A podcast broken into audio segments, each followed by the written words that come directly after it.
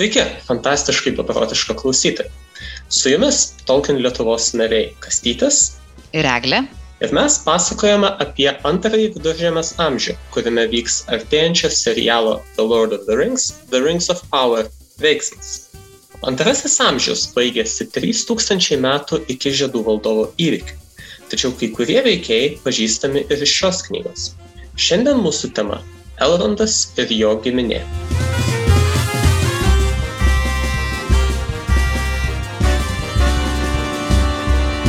Elrondą mes puikiai žinome iš Žiedų valdovo.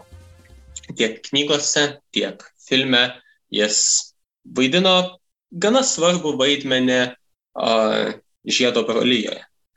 Jis buvo tas, kuris sukvietė pasitarimą, tarybą uh, Rivendelę, kurios metu ir suformuota Žiedo brolyje, kuri keliavo į uh, Mordorą su tikslu sunaikinti Žiedą. Taigi iš žiedų valdovo mes Elrondą matome, pažįstame kaip diplomatą ir tautų vienetą.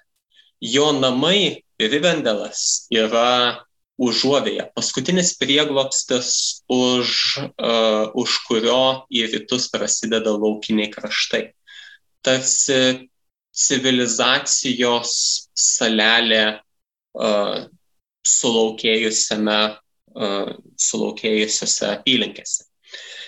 O pats Elrondas rimtas, solidus, ramus, tačiau kupinas išminties elfas.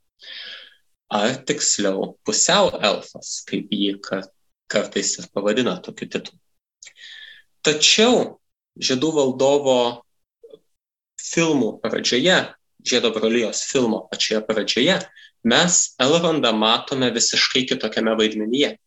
Ten jis kovoja paskutinės sąjungos mūšyje, jisai stovi pirmosiose linijose prie uh, lemties kalno šlaitų, prie Baradūro. Uh, ten jis vadovauja elfų lankininkams, kurie kovoja su tamsos valdovo Saurono pajėgomis. Ir uh, jis tą ir vėliau prisimena.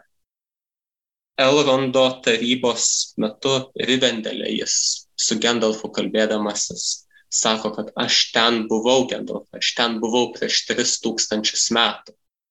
Tai ne tik prieš 3000 metų, ir prieš daugiau tūkstančių metų jis daug kur buvo ir daug ką veikė, labai svarbaus antrajame amžiuje. Kaip matome, jis toli gražu ne visada buvo um, diplomatas ir taikdarys, vienytojas. Jis buvo ir karys, ir labai stiprus ir, ir galingas elfų kariūnas. Taigi apie jo praeitį mes šiandien ir kalbėsime.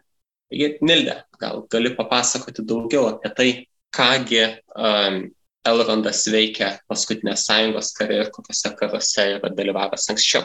Žinoma, tai tai paskutinės sąjungos karas, tai yra tas karas, kur žmonės ir elfai suvienyje savo pajėgas ir eina nuversti tamsos valdovo Saurono, ilgą laiką laiko Baradūro bokštą apsuptyje, galų gale e, išprovokuoja Sauroną, kad jisai išeitų į atvirą mūšį. E, ir e, paskutinėsios sąjungos karas baigėsi tuomet, kai elfų karalius Galgaladas kartu su žmonių karaliumi Elendiliu įveikia Sauroną, jie abu patys dėja žūna tame mūšyje, e, tačiau Sauronas yra nugalimas ir Elendilio sunus Zilduras nukerta jam rankos pirštą, e, kurio jis įmūvi žiedą, paima tą vienatinį žiedą, pasiima savo, dėja jo tada nesunaikina, nors yra labai graži filmo scena, kurioje matome, kaip Elrondas bando jį įkalbėti vis dėlto žiedą sunaikinti. Uh, A, tai iš tikrųjų Elrondą mes matome ir filmo scenose, ir e, žinome iš pasakojimų, kad iš tikrųjų jisai buvo vienas pagrindinių karo vadų. Jisai buvo e, tas, kuris sudarė tą sąjungą tarp žmonių ir elfų. Kodėl jisai sudarė tą sąjungą tarp žmonių ir elfų? Na, e, šitoje vietoje be abejo jisai buvo vienas geriausių, būdamas puselfis, bei, kaip paskui kalbėsim, būdamas ir giminystės ryšiai susijęs su žmonių valdovais. tai, na, jisai tikrai buvo tarp ir elfų, ir žmonių turintis bendrumą su jais, tikrai buvo tasai, kuris galėjo visus suvienyti bendram tikslui. Ir iš tikrųjų jis yra šaunus, išmintingas karo vadas, taip pat yra uh, galingas karys. Ir tokį jį ir matome trečiojo, antrojo amžiaus pabaigoje, vedantį elfų kariuomenę į mūšį. Ir na, paskui žinome, kad trečiajame amžiuje jau Elrondas savo, kad ne, aš nebeturiu e, galimybės tą daryti, elfų beveik nebėra likus viduržėme, beveik visi jie yra išvykę į vakarus ir na, aš jau šitoj roliai, šitame naujame kare nebesudalyvausiu. Tačiau ten jis yra subūręs didžiulius būrius elfų, didžiulę galingą elfų kariauną. Uh, ir dar prieš tai, dar prieš paskutinę sąjungos karą buvo ankstesnis karas, kuris buvo, vyko būtent tarp elfų ir Saurono. Tai elfų ir Saurono kare iš tikrųjų mes ir na, pirmas iki pamatome Elrondą būtent šitokiame karvedžio amplua, kai jisai kritiniu karo momentu atveda savo pajėgas, įsi, įsikiša į mūšį, palenkia mūšio, e, palenkia mūšio eigą kitą linkme. Ir šitaip leidžia užpultiems orkų, Saurono orkų užpultiems elfams išsigelbėti, jisai suburė juos aplinkui save, surenka tuos e, karo, iš, iš karo neniokoto krašto bėgančius elfus e, kartu. Ir jisai to karo pabaigoje atranda slėnį, upės slėnį, kuriame randa, kad yra gera, saugi vieta įsitvirtinti. E, ir ten jisai tuos elfus ir subūrė, ir ten ir yra įkūriamas Revendalas, dar vadinamas elfiškai Imladrisu. Ir tuomet e, Elrondas ten ir apsigyvena. Ir na, tuo metu Revendalas tampa priebėga nuo karo bėgantiems elfams.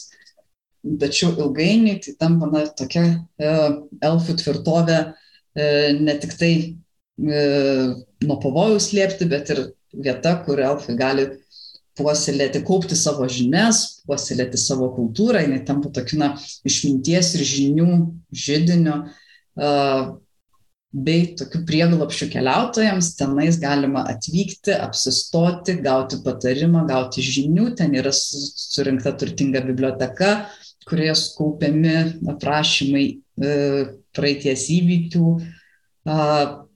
Ir ten taip pat glaudžiasi ir visi, e, ne, visi, bet didelė dalis viduržėmė dar vis likusių elfų maldorų, kilniųjų tų elfų, uh, high elves, nežinau, ar mes juos men kilniaisiais elfais ar aukštaisiais elfais, bet na tai tampa jų namais. Neapsipūtusiais elfais. Ne, neapsipūtusiais elfais. Uh, aukštieji elfai arba kilnieji elfai, jie antrajame amžiuje gyveno ir kitur. Viena iš vietų, kur jie gyveno, buvo ankstesnieji Elrondo namai - Lindonas. Pačiuose viduržėmės vakaruose, už mėlynųjų kalnų į vakarus,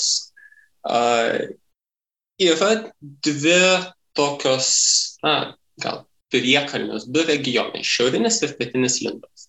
Juos vieną nuo kito skiria įlanka, kurioje stovi pilkieji uostai.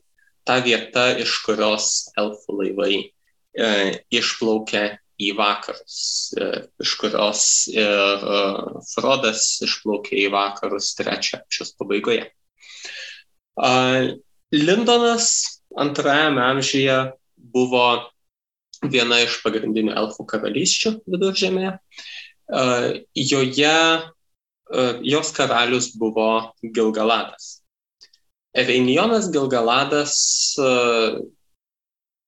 buvo didysis aukštųjų elfų karalius, The High King of the Noldor.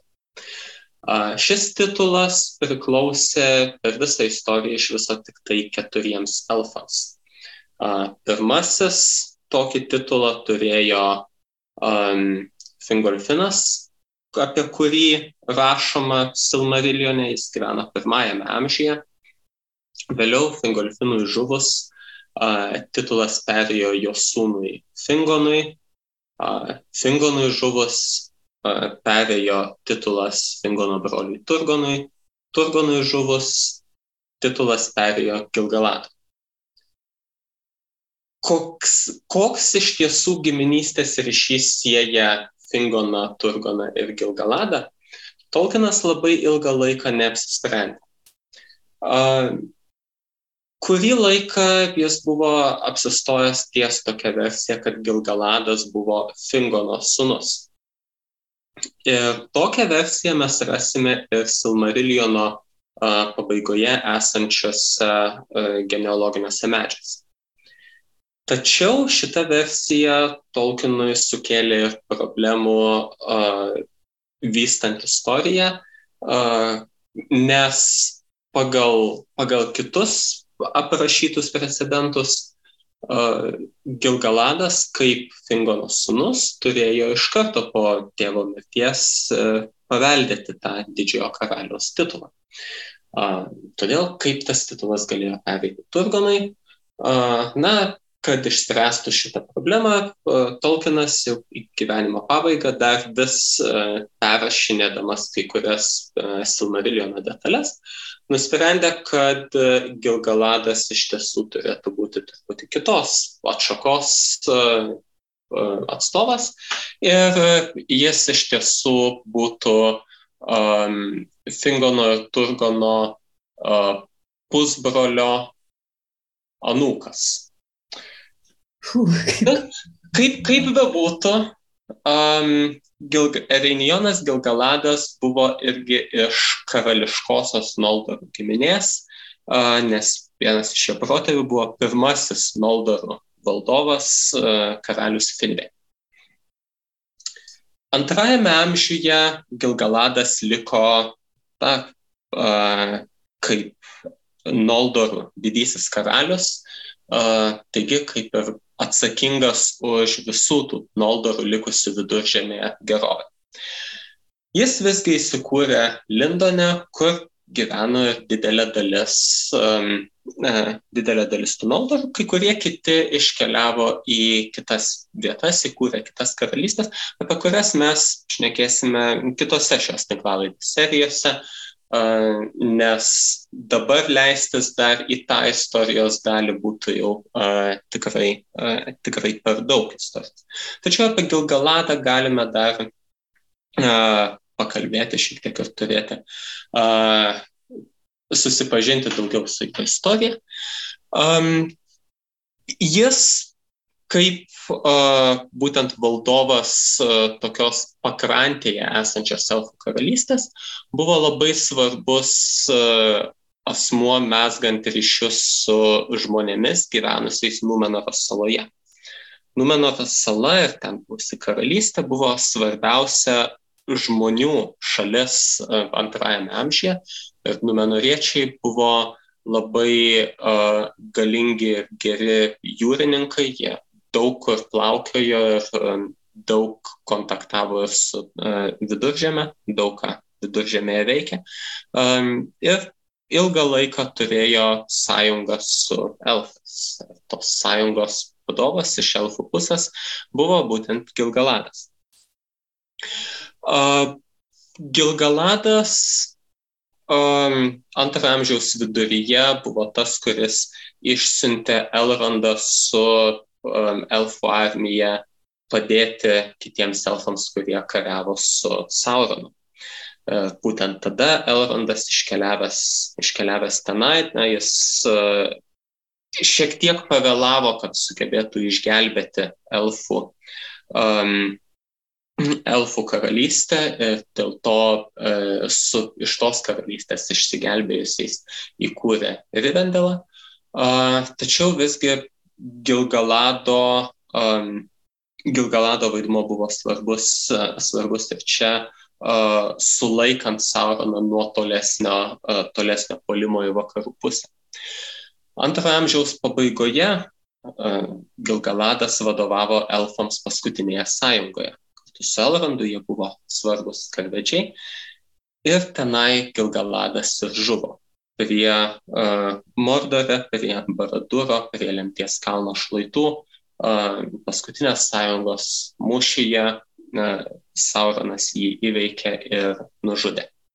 Ir taip baigėsi Noldoro uh, štųjų uh, karalių linija, nes Gilgaladas jokio palikonio neturėjo. Um, bet grįžkime prie Elrondo. Elrondas pusę antrojo amžiaus gyveno Lindone kaip Gilgalado uh, valdinys. Uh, žinoma, Lindone gyveno daugiau, uh, daugiau elfų ir, ir iš kur jie atsirado, Nilda, duosiu papasakoti tau. Taip, tai Lindonas yra tas siauras žemės lopinėlis tarp jūros ir kalnų. Ir tai yra viskas, kas liko iš didžiulio Beleriando regiono po pirmojo Ardos amžiaus. E, pirmasis Ardos amžius baigėsi didžiuliu karu, vadinamu įniršio karu, tarp blogio, pirmojo blogio valdovo Morgoto ir Valarų. Na, Valarai tai yra tokie kaip ir dievai, gal labiau angelai, na, žodžiu, tokios kaip ir gamtos galios, kurios tą pasaulį sutvėrė ir jį valdo ir jį prižiūri. Na ir kai vienos gamtos galios nusprendžia susiremti su kitomis, tai turbūt nieko nėra nuostabus, kad skęsta ištisi gabalai žemynų, tokį mūšį tokios kovos paprastai e, neįvyks. Čia tau ne dvi armijos mūšio laukia. Čia yra galingos pasaulį kūrenčios ir greunančios jėgos, kurios susiremia. Ir norėdami įveikti e, blogą valdovo Morgatą, e, palarai tame kare iš tikrųjų neturi išsitraukti kažkokius didelius ginklus ir to pasiekoje žemynas yra taip sunaikinamas, kad nuskesta. Nėra taip, kad jis tiesiog didžiulis gabalas žemyno ima ir prismenga skradžiai žemės per vieną akimirką. E, tiesiog tas vyksta lietai, po truputį, po truputį jis vis giliau skęsta į jūrą. Dėl to, na, laimiai tie, kas gyveno šitose Beleriando kraštuose, turi laiko pabėgti ar, ne par kitaip išsigelbėti.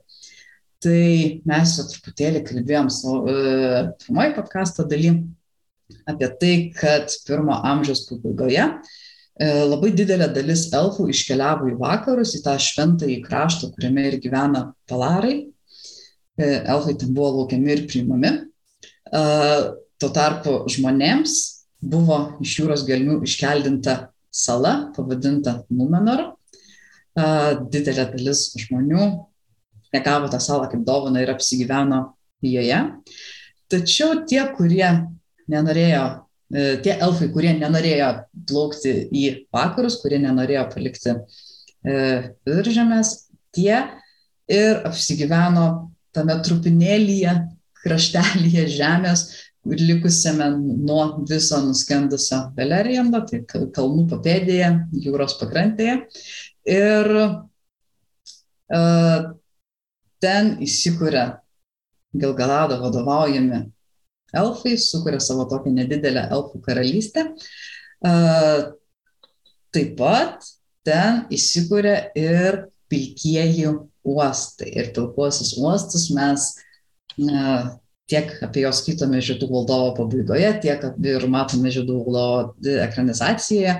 Tai yra tie uostai, kuriuose gyvena laipdirbys Kirdanas, vienas seniausių e, elfų e, e, visoje istorijoje, toksai senas, kad jam jau net barzda augo, kaip yra sakoma, nes šiaip elfai paprastai būna be barzdžiai iki kol sulaukia labai labai labai gilios senatvės.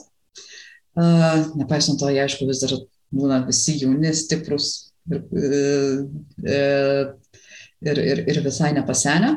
Tai Kirdanas, laivodirbys, e, ilgą laiką gyveno irgi jūros pakrantėje, statė laivus, vadovavo Alpams jūrininkams.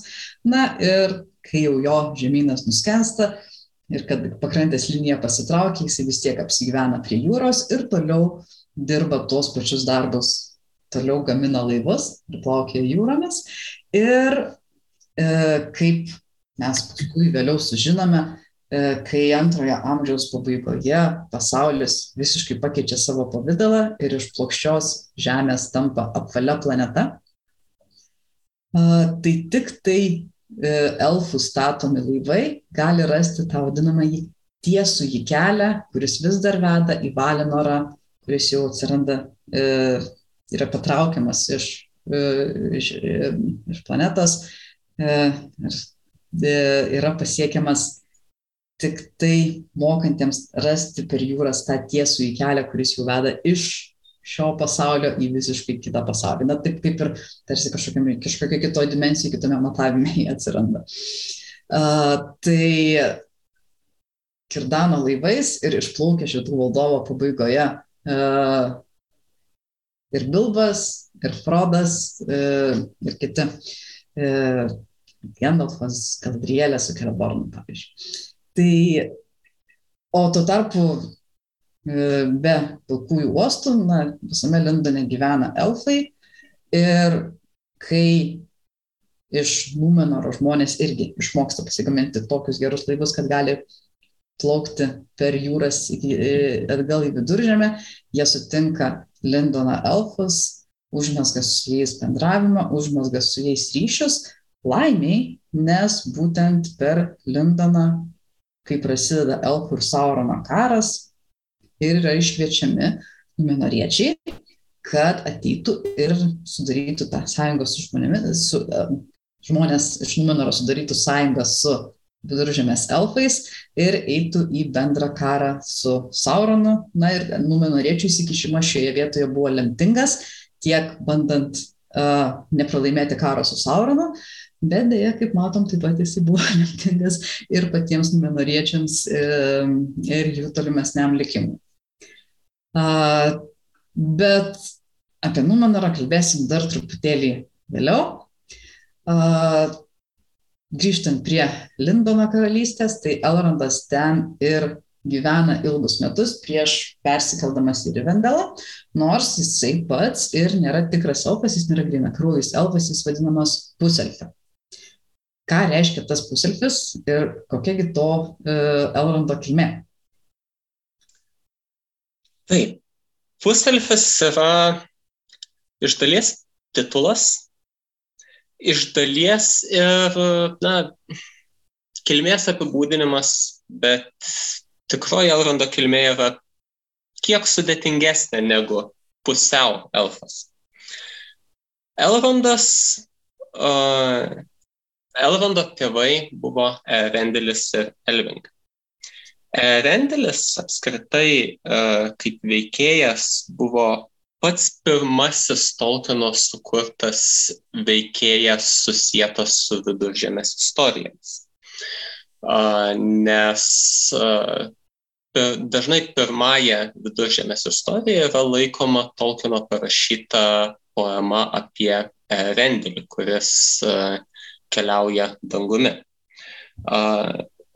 Pats žodis Rendel uh, Tolkieno atrastas buvo skaitant senąją anglų kalbą parašytą poemą, kurioje, uh, tai religinio pobūdžio poema, kurioje figuravo eilutė Ela Rendel Engla Beochtast uh, offer midanier monum sende kas reiškia šlovė Rendeliui šviesiausiam iš angelų virš viduržėmės žmonėms pasiustajam.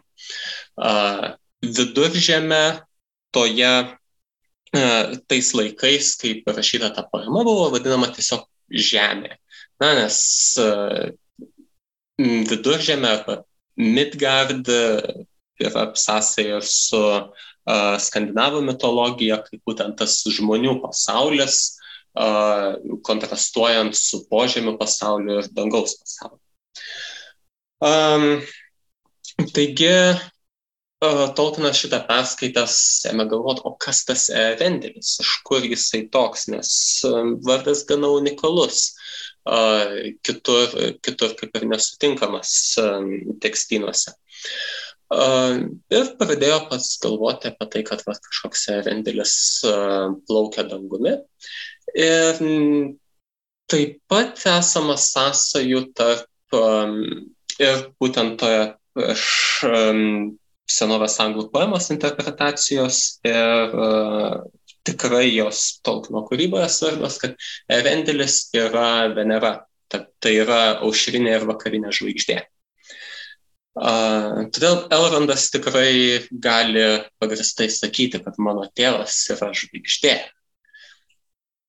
Erendilis e, į dangų buvo pakeltas dėl savo nuopelnų pirmojo amžiaus pabaigoje. Apie juos galima paskaityti Silmarillione, čia nesiplėsiu. Tačiau, kas mums svarbu yra, kalbant apie Elrondo kilmę, kad vat, Rendelis tai tikrai buvo pusiau elfas. Nes jo tėvas buvo žmogus tuoras, o jo mama buvo elfė idrilė. Um, jie, uh, vėlgi, jie irgi turėjo savo uh, istoriją, dalyvavo vienoje iš svarbių uh, pirmojo amžiaus istorijų. Na ir susitokė ir susilaukė laiko. Elrondo mama Elvinga, ji nebuvo pusiau elfė, bet ji irgi buvo iš įvairialypės sąjungos atsiradus. Elvingos tėvai buvo Dioras ir Nimlotė. Nimlotė buvo nakarauja elfė, o Dioras buvo sunus Bereno ir Lutienos. Berenas ir Lutiena buvo dar viena žmogaus ir elfės pora. Berenas kirnakaraujas žmogus, Lutiena elfė, tačiau vėlgi ne visai. Lutienos tėvai buvo karalius Elutingolas ir Meliana. Elutingolas buvo elfas, karaliavo Dorijato karalystėje Beleriende, kuris buvo tas ta žemynų dalis nuskendusi pirmojo amžiaus pabaigoje. O Melijana, Elutingolo žmona, ji buvo Maja. Majai yra irgi tarsi angeliškos būtybės įsikūnijusios į na, žmogiškus ar elfiškus pavydalus kai kurios ir kitokius pavydalus įsikūnė, tarkim, Erelis Gvaihiras, žinomas iš žiedų valdovo, irgi buvo įsikūnijus Maja. Majai jie savo prigimtimi yra tokios pačios būtybės kaip ir valai, tos angeliškos ar dieviškos būtybės iš valino krašto, tik tai jie yra mažesnės galios. Taip pat dar kelis majus mes gerai žinome iš Žiedų valdovo, tai Gendalfas, Radagastas ir Sarumanas. Ir dar du išminčiai, mėlynieji išminčiai iškeliavę į rytus, apie kuriuos tik tai užsimenama truputį Žiedų valdove. Taigi, uh, kaip sakai? Ir balrogai. Taip, tikrai balrogai, kurių tolimoje praeitie buvo daug, o vėliau žiedų valdovė teko susidurti su vienu iš jų, irgi buvo Mai. Tas pats Sauronas irgi Majas. Taigi, Meliana, viena iš Majų, ji susituokusi su elfu Elutingolu, susilaukė dukros Lutienos, Lutiena su žmogumi Berenu susilaukė sunaus Dioro, Dioras su uh, žmona Elfe, Nimlote susilaukė Elvingos, Elvinga su pusiau elfų Erendiliu susilaukė dvinių Elrondo ir Elroso. Ir šitie dviniai gimė visai pirmojo amžiaus pabaigoje. Um, jie vėliau sulaukia valų pasirinkimo. Na, ar tiksliau, valai jiems duoda rinktis. Ir apie tą pasirinkimą Nilda gal tu papasako. Žinoma, tai kadangi uh, turėjo vis dėlto sutvėrėjo užmanimas buvo toks, kad elfai yra elfai, o žmonės yra žmonės ir elfai yra surišti su Arda ir jų visas gyvenimas turi vykti Ardoje. E, po to jiems duotas tas amžina jaunystė ir nemirtingumas. Tuo tarpu žmonių likimai yra truputį kitokie. Artoje jie gyvena labai trumpai, o vėliau jų sielos iškeliauja kažkur anapus ir netgi elfai nelabai žino, koks likimas laukia žmonių sielų ten kažkur kitur. Uh, tai būdami turėdami štai šitokias labai labai skirtingas egzistencijos formas, uh, jie kaip ir nelabai turėtų maišytis, nes tuomet yra neaišku, kaip kas turėtų vykti su jų palikonėmis. Tačiau, kaip jau laiko čia visiems mums pasakojo, visi elfų ir žmonių uh, mišūnai uh, buvo kilę iš didžių herojų giminių - Beranas ir Lutiena, kurie metė iššūkį pačiam Morgotui, Elrondas ir Elvinga, kurie e, sugeba įveikti e, neperplaukiamas jūras ir nuvykę į Valinorą, į tą šventą, šventą į dievų gyvenamą kraštą, išmaldauti iš jų pagalbos e, kovoje prieš Morgotą.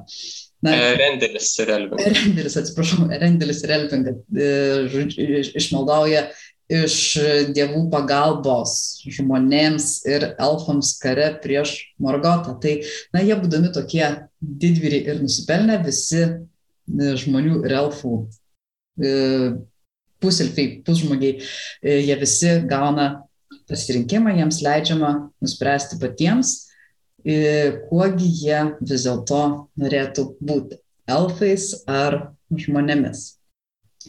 Tai, kaip jau Lai papasakojo, Elrondas turi dvynį brolį Elrosą ir, na, iš tikrųjų jų gyvenimo pradžia yra labai labai tiesiog tragiška, nes a, kai jie gimsta, beveik visi elfai gyvena e, priebėgoje viename paskutinių uostų, kurie dar laikosi prieš Morgoto atakas ir lyg to dar nebūtų gana, visi elfai yra susipešę ir kariaujantis tarpusavyje.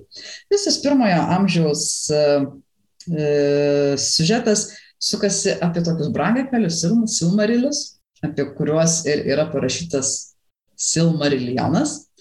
Ir na taip jau yra, kad yra blogio valdovas Morgotas, kuris pagrobė Silmarilius, vieni elfai nori juos atgauti, pradedamas karas tarp elfų ir Morgoto, karas visiškai, visiškai nesiseka, na, tačiau karo eigoje taip jau nutinka, kad Berenas Lutiena vieną Silmarilį sugeba iš Morgoto išvokti, tačiau teisėtiems e, to brangakmenio Silmarilio savininkams Fenoro, Fenoro kuris tuos Silmarilius sukūrė šeimai, Fenoro sunums, jie to brangakmenio atiduoti nenori. Na ir šitaip prasideda tuomet ko, kova dar ir tarpusavėje tarp elfų, tarp Fenoro sunų ir visų kitų elfų. Ir Fenoro sūnus kartu su, be abejo, su savo uh, elfų uh, kariuomenėmis užpuola uh, tą uostą, kuriame gyvena e, Rendelis su žmona Elvinga ir savo dar visai visai mažais dvinukais Elrondu ir Elrosu. Elvinga turi Silmarilį, jinai nešioja jį kaip papuošalą ir kai miestas yra užpuolamas, e, o jos vaikai yra paimami į nelaisvę, jinai nešinu to brangakmeniu pabėga iš miesto, Rendelis tuomet jau yra laive e, jūroje, jinai pavirtusi paukšte pasiekia tą laivą ir laive atvirsta savimi, jie tuomet sugeba įveikti jūras, kurios iki šiol buvo nei vienam laivui neįmanomos perplaukti, pasiekia dievų kraštą, papasakoja, kaip viskas ten yra blogai ir kaip labai labai jau reikia, kad dievai pagaliau įsikeštų, nes žmonės Morgoto neįveiks, elfai Morgoto neįveiks, nei visi kartu susivienyje, nei jo labiau tarpusėje besipeždami. Ir šitaip baigėsi pirmasis amžius, kad dievai jų išklauso ir Morgotą nugali, dėja, Beleriandas nuskesta. Tačiau Elrondas ir Elrosas, būdami visiškai maži vaikučiai, jie yra e, e, per tą e, karą tarp elfų paimami į nelaisvę. Ir aš taip įsivaizduoju, kad Elrondas su Elvinga tikriausiai mane, kad jie niekada savo sunų gyvų nebepamatys, Tačiau netgi fenoringai, būdami tokie vis dėlto, na, ne patys geriausi elfai, vis dėlto jie ėjo į karą prieš kitus elfus, prieš savo giminaičius ir žudė juos, na, vis dėlto, kad ir labai stebuklingo, bet vis dėlto tik tai dėl brangakmenio. Na, jie yra uh, kaip ir truputėlį neigiami personažai, kiek elfas gali būti neigiamas personažas. Tai, na, iš tikrųjų iš jų, kaip turbūt galima tikėtis, kad jie tos vaikučius pražudys, vien jau iš keršto, tačiau, na, jų širdis jiems to neleidžia. Ir Fenoro sūnus Elrandas su Elrasu e, saugiai užaugina, bent jau kurį laiką. Ir paskui karo pabaigoje, nors e, tėtės ir mama Erendilis su Elvinga nebegrįžta į, į viduržymę pas juos, tačiau jie saugiai ir ramiai atsiduria Lindone po to, kai Belerijandas dinksta ir nuskesta. Na ir čia yra kaip ir priimamas toks sprendimas, kad, na, turime šiuos mišrūnus, negrina kraujus, nei elfus, nei žmonės, mm, dar ir truputėlį majų kraują jie visi turi, tai reikia kažkaip nuspręsti, kad raigi padirmį juos priskirti. Na ir ši čia yra labai, manau, teisingai nusprendžiama, kad patys jie ir turi visi pasirinkti tą savo likimą. Tačiau nežinau, ar tiesiog nesusitarę, ar galbūt tikslingai taip jau nutinka, kad ir Elrand, Elrandas su Elrasu pasirenka visiškai priešingai. Elrandas pasirenka elfus, o Elrasas žmonės. Ir ką veikia Elrandas, toliau mes jau truputėlį apkalbėjome, tačiau Elrasas, būdamas vis dėlto iš tokios šlovingos valdovų ir herojų giminės, tampa pirmuoju Numenoro karaliumi. Kai žmonėms už jų nuopelnus kare prieš Morgotą yra padovanojama Numenoro sala ir jie ten persikėlė ir įsteigė karalystę, jisai tampa pirmuoju karaliumi ir didžiulės, sėkmingos, vėliau ilgus tūkstantmečius valdžiusios dinastijos pradininko, nes, na, Elroso palikuonys valdys ne tik tai visus 3000 metų patį Numenorą, bet ir vėliau Numenorui žlugus tos pačios dinastijos valdovai valdys iš pradžių Arnorą ir Gondorą, paskui jau tik tai Gondorą, kai Arnorą irgi nebeliks ir būtent iš Elroso giminės yra gimęs ir mums visiems gerai iš žiedų valdovų pažįstamas Aragornas.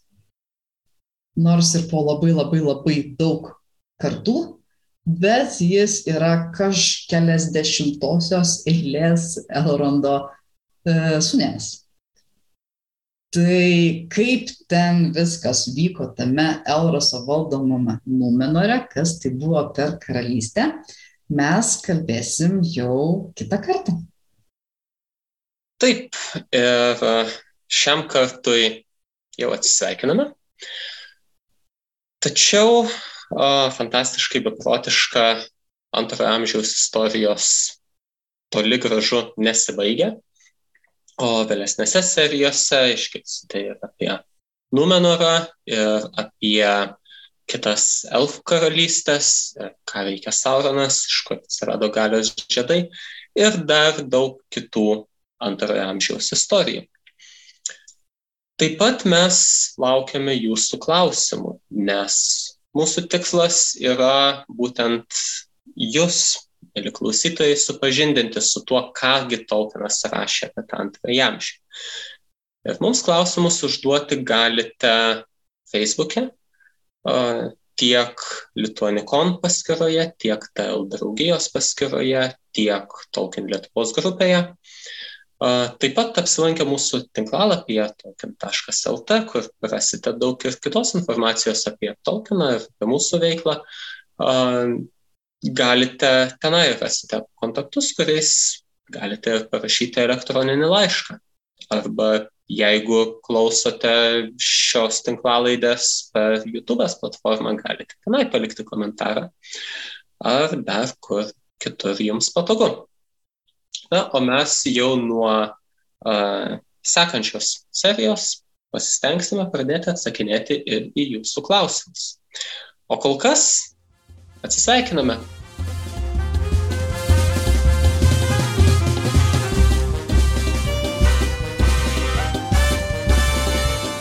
Dėkojame, kad klausėte antrojo amžiaus istorijų. Iki susiklausimo ir pasimatymo Litonikone rugsėjo 10 dieną, šeštadienį Vilniuje.